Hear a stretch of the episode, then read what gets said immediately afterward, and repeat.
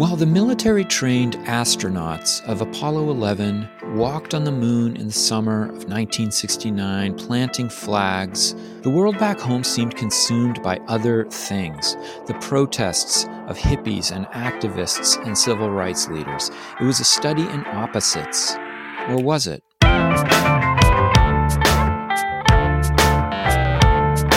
It's time to eat the dogs. I'm Michael Robinson. Today, Neil Maher talks about the social forces that shaped NASA in the 1960s and 70s, connecting the space race with the radical upheavals of the counterculture. Maher is a professor of history at the New Jersey Institute of Technology and Rutgers University, Newark. He's the author of Apollo in the Age of Aquarius. Neil Maher, thank you so much for talking with me. Thanks so much for having me. So, on the day before the Apollo 11 launch in uh, 1969, two leaders of the civil rights movement, Thomas Paine and Ralph Abernathy, Reverend Ralph Abernathy, were at uh, Cape Canaveral in Florida. I was wondering if you could explain why they were there. Sure.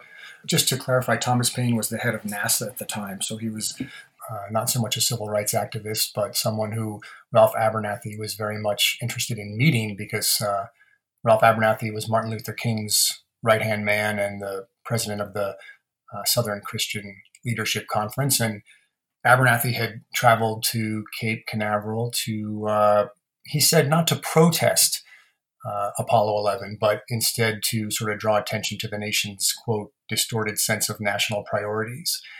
And what Abernathy did was he arrived with 25 poor African American families, four mules, and two old rickety wagons. And he, he asked Thomas Paine to meet him in the middle of a damp field outside the Kennedy Space Center with the Apollo rocket off in the distance. And um, he basically asked Paine to turn a lot of their technology around to sort of have the scientists work not only on getting the rocket to the moon, but also on problems um, back on Earth affecting poor African Americans. It's a pretty dramatic protest. You, you know, I'm, i was just thinking as we kind of roll forward towards the 50th anniversary of Apollo 11 that there are so many books on Apollo, uh, just hundreds. And this is a really interesting way of opening your book and kind of counterintuitive. And I was wondering why you decided to open the book this way. I think that um, to me, what was interesting when I started thinking about the project was that that summer of, of 1969 was sort of interesting because on one hand you had that launch, the Apollo 11 launch, where a million people from all over the country flocked down to Cape Canaveral to really celebrate the nation, to celebrate the fact that we were beating the Russians to the moon. And then a couple weeks later, three weeks later, you had half a million young people hitchhiking up to Woodstock, New York, to have a very different sort of gathering, right? It was quite critical of the country, especially with respect to Vietnam, and that criticism was told through through music. And I thought, how strange that these two events that seemed worlds apart were occurring only three weeks apart. And I thought, I'm interested in exploring how that could happen and what that meant for American culture at that that moment. You mention in your book that NASA eventually, gradually becomes sensitized to some of these broader questions of economic uh, disparities and civil rights issues. And you talk about the attempts by uh, NASA to show that it's socially relevant right. with projects such as um, Project Breakthrough. I was wondering if you could talk about that. Sure. Um, so in the 1960s, um, when you know civil rights activists, but also I talk about feminists and counterculture hippies, but also anti-Vietnam War activists. They were all really quite critical of NASA, demonstrating, protesting. And in the 60s, NASA administrators didn't really have to pay much attention to that grassroots um, critique uh, because the race to the moon was so popular, right? We had to beat the Russians. But mm-hmm. once we do beat them in the 70s, NASA does have to pay attention because popularity of the space race begins to sort of dwindle, and so does their their budget.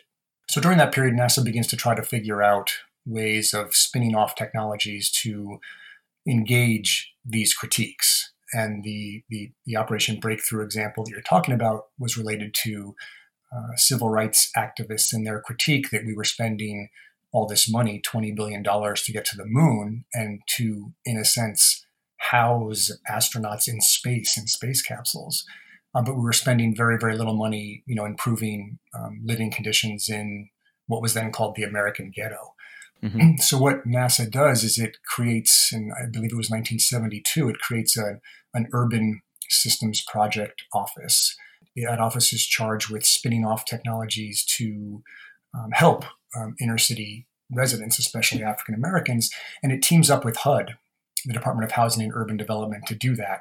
And they begin to try to create technologies to help what was HUD's project then called Operation Breakthrough, which was to try to create efficient, low cost prefab housing in cities that would help inner city residents. And one technology that NASA attempts to spin off was they took really the really efficient heating and cooling systems that they had developed for the NASA space capsule, the Apollo space capsule, um, and they actually implement them and, and transfer them to low income housing projects. They only do it in one, but it was a pretty interesting attempt to try to take space technology and ground it back on Earth. How effective was it in? Uh... Um, it, it, it's located in uh, Jersey City, near Newark, New Jersey. They only they only implemented one. I went and visited it.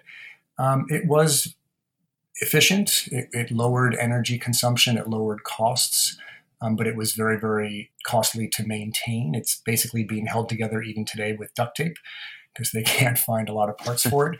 So what I argue in the book that it is that it was really more performative than substantive. It was really NASA showing civil rights activists and the public that it was attempting to deal with these issues, but it didn't really change the lives of inner city African Americans at all. When uh, when I read that section of your book, I was thinking about the term spinoff and how, my God, that's such a central um, structure of NASA's justification for doing all of this this work uh, towards human exploration of the planets. This idea that, well, in the process, we don't know how to do it now, but in the process of doing it, we're going to discover all of this amazingly cool practical stuff right. uh, for the world back home. And I was thinking, my God, did that start around Project Breakthrough? Uh, did you run across any discussion of spin-offs in the in the early part of the 60s when you started this project?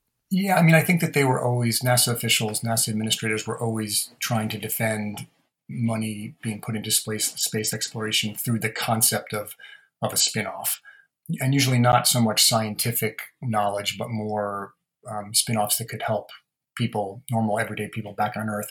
But I don't think it was a it was as important a concept in the '60s because it was such a popular program to you know to get to the moon. I think it was in the '70s when NASA realized that spinoff technology was really its ticket to maintaining popularity and also maintaining its budget. So NASA actually starts publishing a, a, a glossy magazine called Spinoff and mm-hmm. sending it out to people all over the country to try to sort of um, highlight a lot of the technologies that they were trying to transfer. So it became increasingly important, I think. One of the uh, cool things about your book was your discussion of these iconic photographs, um, Earthrise, the photo of uh, the Earth uh, coming over the uh, horizon of the Moon in Apollo 8, and then the uh, the blue marble photograph of the whole Earth on Apollo 17, which I guess became the cover of the whole Earth catalog. Mm-hmm. And you know those have been talked about as these kind of iconic photographs of the environmental movement, but you seem to be kind of turning them around to look back at NASA itself. How does the environmental movement affect NASA? It, yeah, it's, it, I was sort of very surprised by my research on that uh, chapter. It, it, turns out, you know, I'm an environmental historian, and that chapter on the environmental movement and NASA was really the the spark for the book. So I thought that would be the first one I would write, but it turned out it was the I wrote it much much later. Um, partly because I I kept finding sort of strange source material that made me rethink my original idea about what those images meant. Um, but uh-huh. to get back to your question, and I'll answer, I'll you know answer both on my in my discussion. But the way that I think that NASA influenced the environmental movement, or the way the environmental movement influenced NASA, was early on. People like Stewart Brand, you know, an early envi- environmentalist in the 1960s, he he really wanted NASA to turn back around and look at Earth, and he wondered why we hadn't had a, a photograph of the whole Earth yet. So he's tripping on LSD on his rooftop in San Francisco, and he, he prints up the next day hundreds of buttons asking the simple question, why haven't we seen a picture of the whole Earth yet? And he sends them out to NASA scientists, and four years later, five years later, all of a sudden, administrators are you know consciously changing the direct trajectory of Apollo 17 to get that image. Huh. So in that sense, the, the environmentalists were sort of pushing NASA to think, you know, more environmentally. But what I found so interesting about that photograph was that I had assumed it immediately became an environmental icon. But when I went to do my research online, I found it was just absent from from Earth Day celebrations, from you know the campaigns of the Sierra Club, and we're talking you know the mid '70s. There was just there was no iconography of that image. Huh. So in the book, I try to make the argument that it, it had to be made into an environmental icon and I make the argument that NASA helped do that through a lot of its data gathering on uh, regarding global ecological changes that then get sort of overlaid onto that image, and that, that slowly that image becomes, in a sense, a green a green image. Huh. One other really interesting chapter in your book talks about the women's movement and Sally Ride's first flight. You you open that chapter with Sally Ride's first flight on uh, the space shuttle in 1983 right, right. and her reception back at the Johnson Space Center. I was wondering if you could talk about that scene. It's a it's a great scene, and I, I actually got some pushback on opening that chapter with Sally Ride, but I'm really glad I did because I think that what she was doing in the the event I'm going to describe was just subtle and very very powerful. So basically, the the Challenger is unable to land at Cape Canaveral because of a storm. So they they redirected to land at the Edwards Air Force Base in California. Um, and they land, and the five crew members get off the shuttle. They wave to a small crowd, and then they're immediately whisked to the Johnson Space Center, where there's a, a homecoming ceremony. And they're on the, the, sort of makeshift stage, and all of a sudden, a NASA protocol officer walks forward with a huge bouquet of carnations and roses, a white and red bouquet and he's walking right towards Sally Ride. And she looks him squarely in the eye. This is in front of hundreds of people. And she rather subtly shakes her head back and forth. You know, and then he he doesn't pay attention. He keeps walking towards her, and she turns her back on him and leaves him standing there awkwardly with this armful of flowers. And then wow. immediately these these NASA administrators rush forward and give flowers to the wives of the other Challenger crewmates, but they have nothing for for astronaut Steve Hawley, who was there and at the time Sally Ride's husband.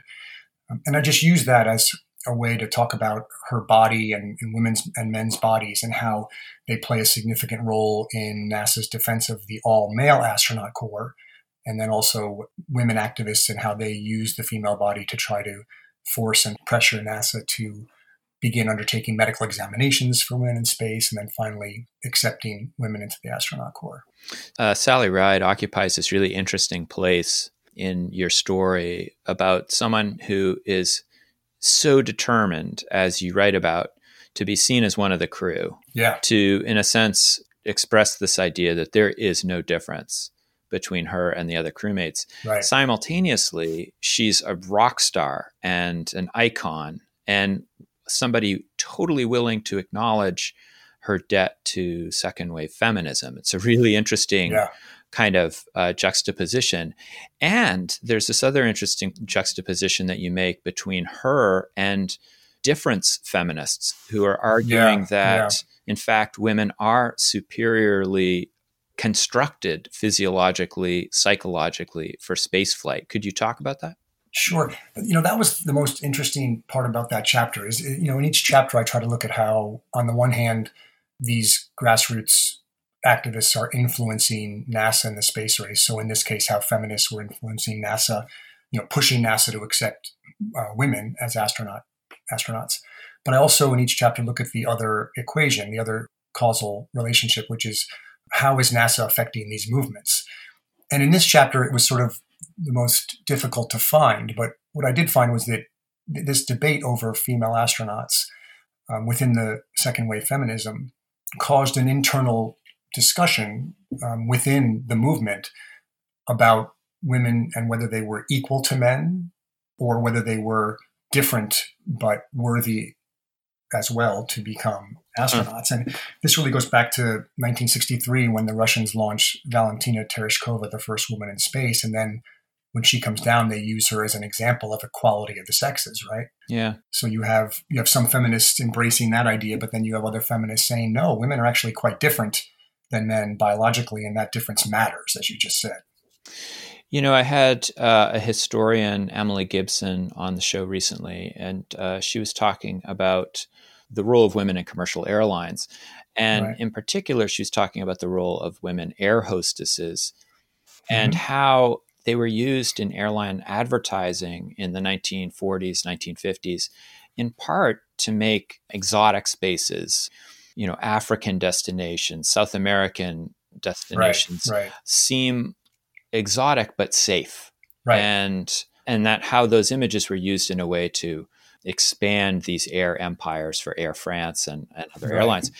I was wondering if you saw some kind of similar role here for NASA, the, a way of showing that space flight had gone from its kind of extreme environment to uh, something that was more habitual, maybe even domestic, or if that did happen, whether NASA was worried about yeah, women astronauts giving it that construction. Well, it's interesting because I think that you know I guess I'll I'll reply with a question that we can keep talking about this because I find it really sort of fascinating.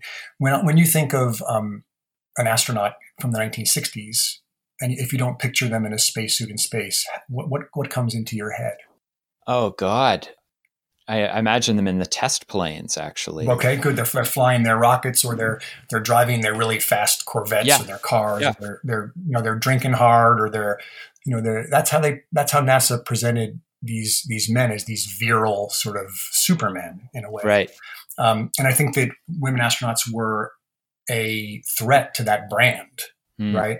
You know, the, these virile spacemen. I mean, the first the first um, press conference where NASA introduces uh, the, America's first astronauts, there was one reporter who said it felt more like a beauty pageant than anything else because they were these these tanned men, very muscular. They all were sort of um, you know sort of performing up there in front of the press corps. And I think that people like Sally Ride and the other women pilots who were trying to be astronauts in the very very early years, even in the 1960s, very much threatened that. And I don't think that NASA ever really embraced the notion that spaceflight could be domestic. Mm. You know, there, there was a lot of pushback and questions about, for instance, you know, Sally rides or women astronauts on the space shuttle. Where would they sleep? Where would they go to the bathroom? It, it was not presented as something that was a casual, easy thing to do. Um, and I think that that's partly because the, the women who were involved didn't want to be perceived that way.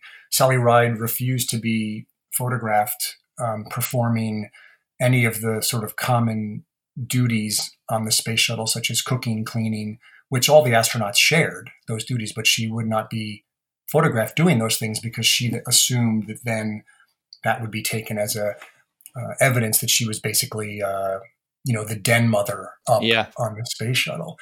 So I don't think it ever went domestic like the Jetsons. You know what I mean? I think that it, that it was very much protected a little bit more. There's a there's this interesting dilemma that you paint towards the end of your book in talking about the culture of NASA, which really has its roots in this conservative, all male, as you put it, virile culture of military men, test pilots, and then uh, the engineers who are building the craft, the spacecraft. Mm-hmm. And then simultaneously, NASA has to become sensitive to this counterculture, which the, the people of which look so different, and they're interested in such social and right. uh, environmental ideas. Um, how does NASA end up making it through this? It's interesting because in all the other chapters, so there's chapters on civil rights, Vietnam, environmentalism, and then second wave feminism. And in each of those chapters, NASA eventually comes around to trying to engage those movements. Um, the last chapter looks at both the hippie counterculture and the new right, the conservative movement, in one chapter. And it's sort of a chapter about the battle over NASA. And uh, whereas the counterculture very much rejects NASA as part of that military industrial complex, they really want to focus on things like inner space rather than outer space. Um, they really reject that. The new right, the sort of rising conservative movement, really embraces NASA as a, a sign of you know the free market. They look at the aerospace industry as a symbol of free market democracy when it's compared to the Soviet Union. You have people like uh-huh. Ayn Rand and William F. Buckley coming out in support of it. And that battle really plays out. And in that chapter, NASA does not try to appease the, the hippies. NASA, I, I believe, very much sides with the new right and, and uh, plays into that movement and relies on that movement more than it does the hippies. I was also thinking when I read that chapter about a, uh, an interview I ran recently with Valerie Olson, who's a space anthropologist at uh, University of California, and she talks about how you know NASA is so rich with this language of the frontier, you know, and making Absolutely. these explicit links back to the 19th century uh, frontier thesis and a lot of stuff that a lot of you know a lot of people a lot of progressives kind of freak out about right and yet when she talks to engineers themselves about their work, you know, kind of moving away from the rhetoric, but just to what kind of work do they do to keep humans alive in um, the space shuttle or in uh, the International Space Station, they talk almost obsessively about environment. Yeah. And she, she even has this great quote from this engineer. He's like, it's environment, environment, environment. That's everything that we do. I wish I had had that quote. I would have put it in my book. it's a great quote.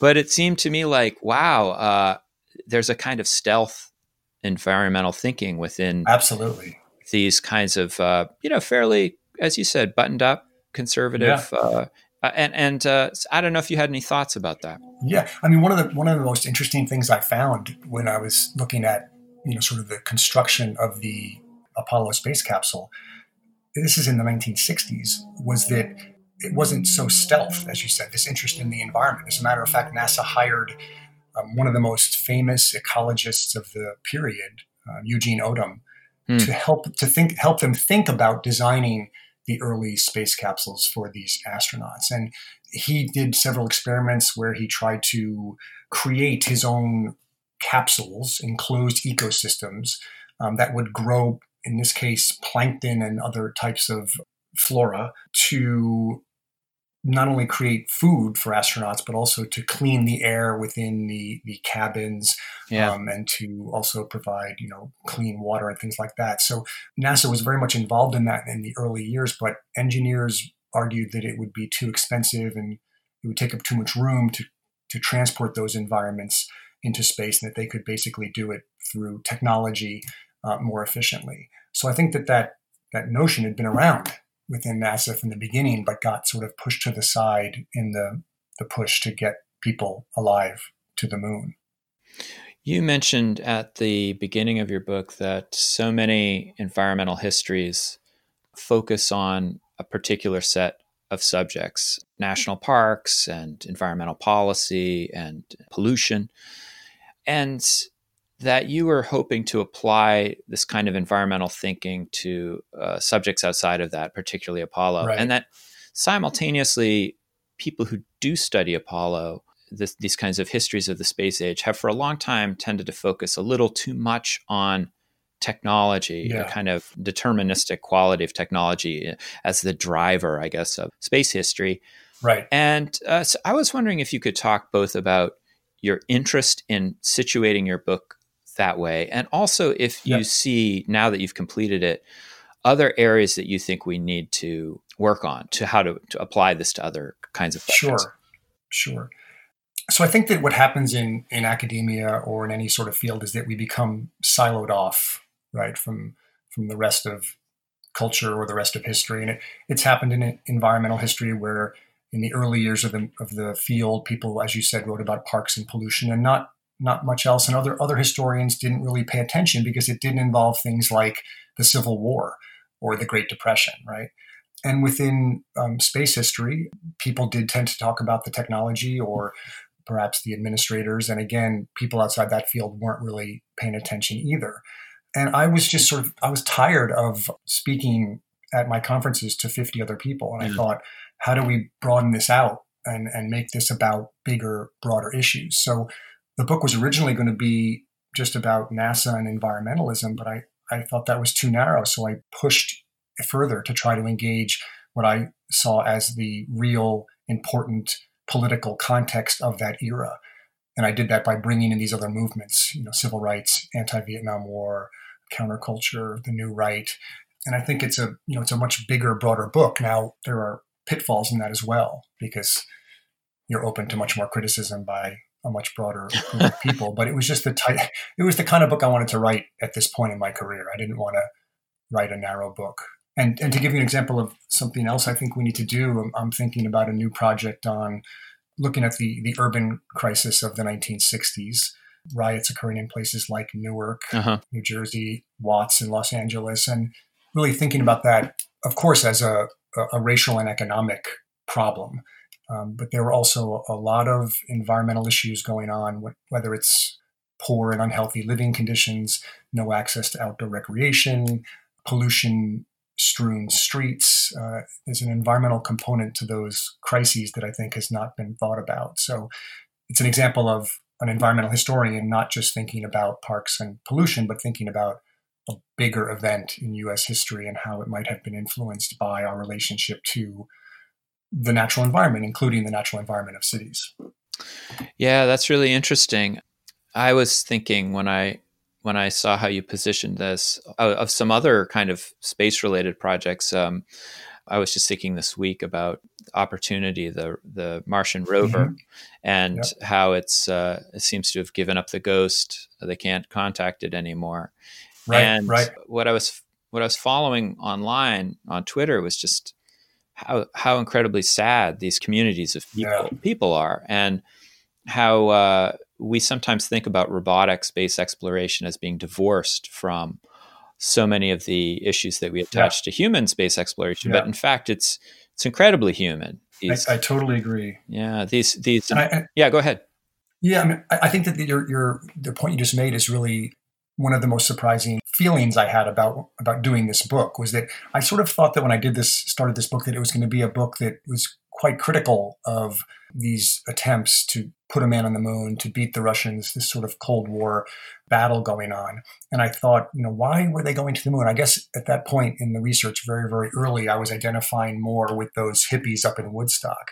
Yeah. But, but then as I read the reminiscences of people, whether it was people on the street or administrators at NASA or engineers or scientists or even the astronauts, you realize that this attempt and, and the moon landing ultimately had a really important existential impact. You could almost say a spiritual impact on yeah. the people at the time. And I realized that it was quite important and that it was quite valid. And um, it made it much more complex for me. It made it not just about putting nuts and bolts on the moon and more about what does this country and what do we as the human race really want to do and how do we want to think about exploration, but also ourselves. It was pretty heavy stuff. Yeah. And I think that you know the Mars rover, you know, going going dead as they called it, they used the word dead in the in the newspaper, and people feeling emotion about that. I think that's a similar existential connection to something bigger out there that's important. Yeah. Neil Maher, thank you so much for talking with me. Michael, it was really fantastic. Thanks a lot. That's it for today. The music was composed by Zabrat. Make sure you check out the Time to Eat the Dogs website for podcast links and other exploration related stuff. And if you get the chance, please take a minute to rate and review the show wherever you get your podcasts. It really helps make the show visible to new listeners. And if you want to recommend a guest or make a comment, feel free to contact me at time to eat the dogs, that's one word, lowercase, at gmail.com. See you next week.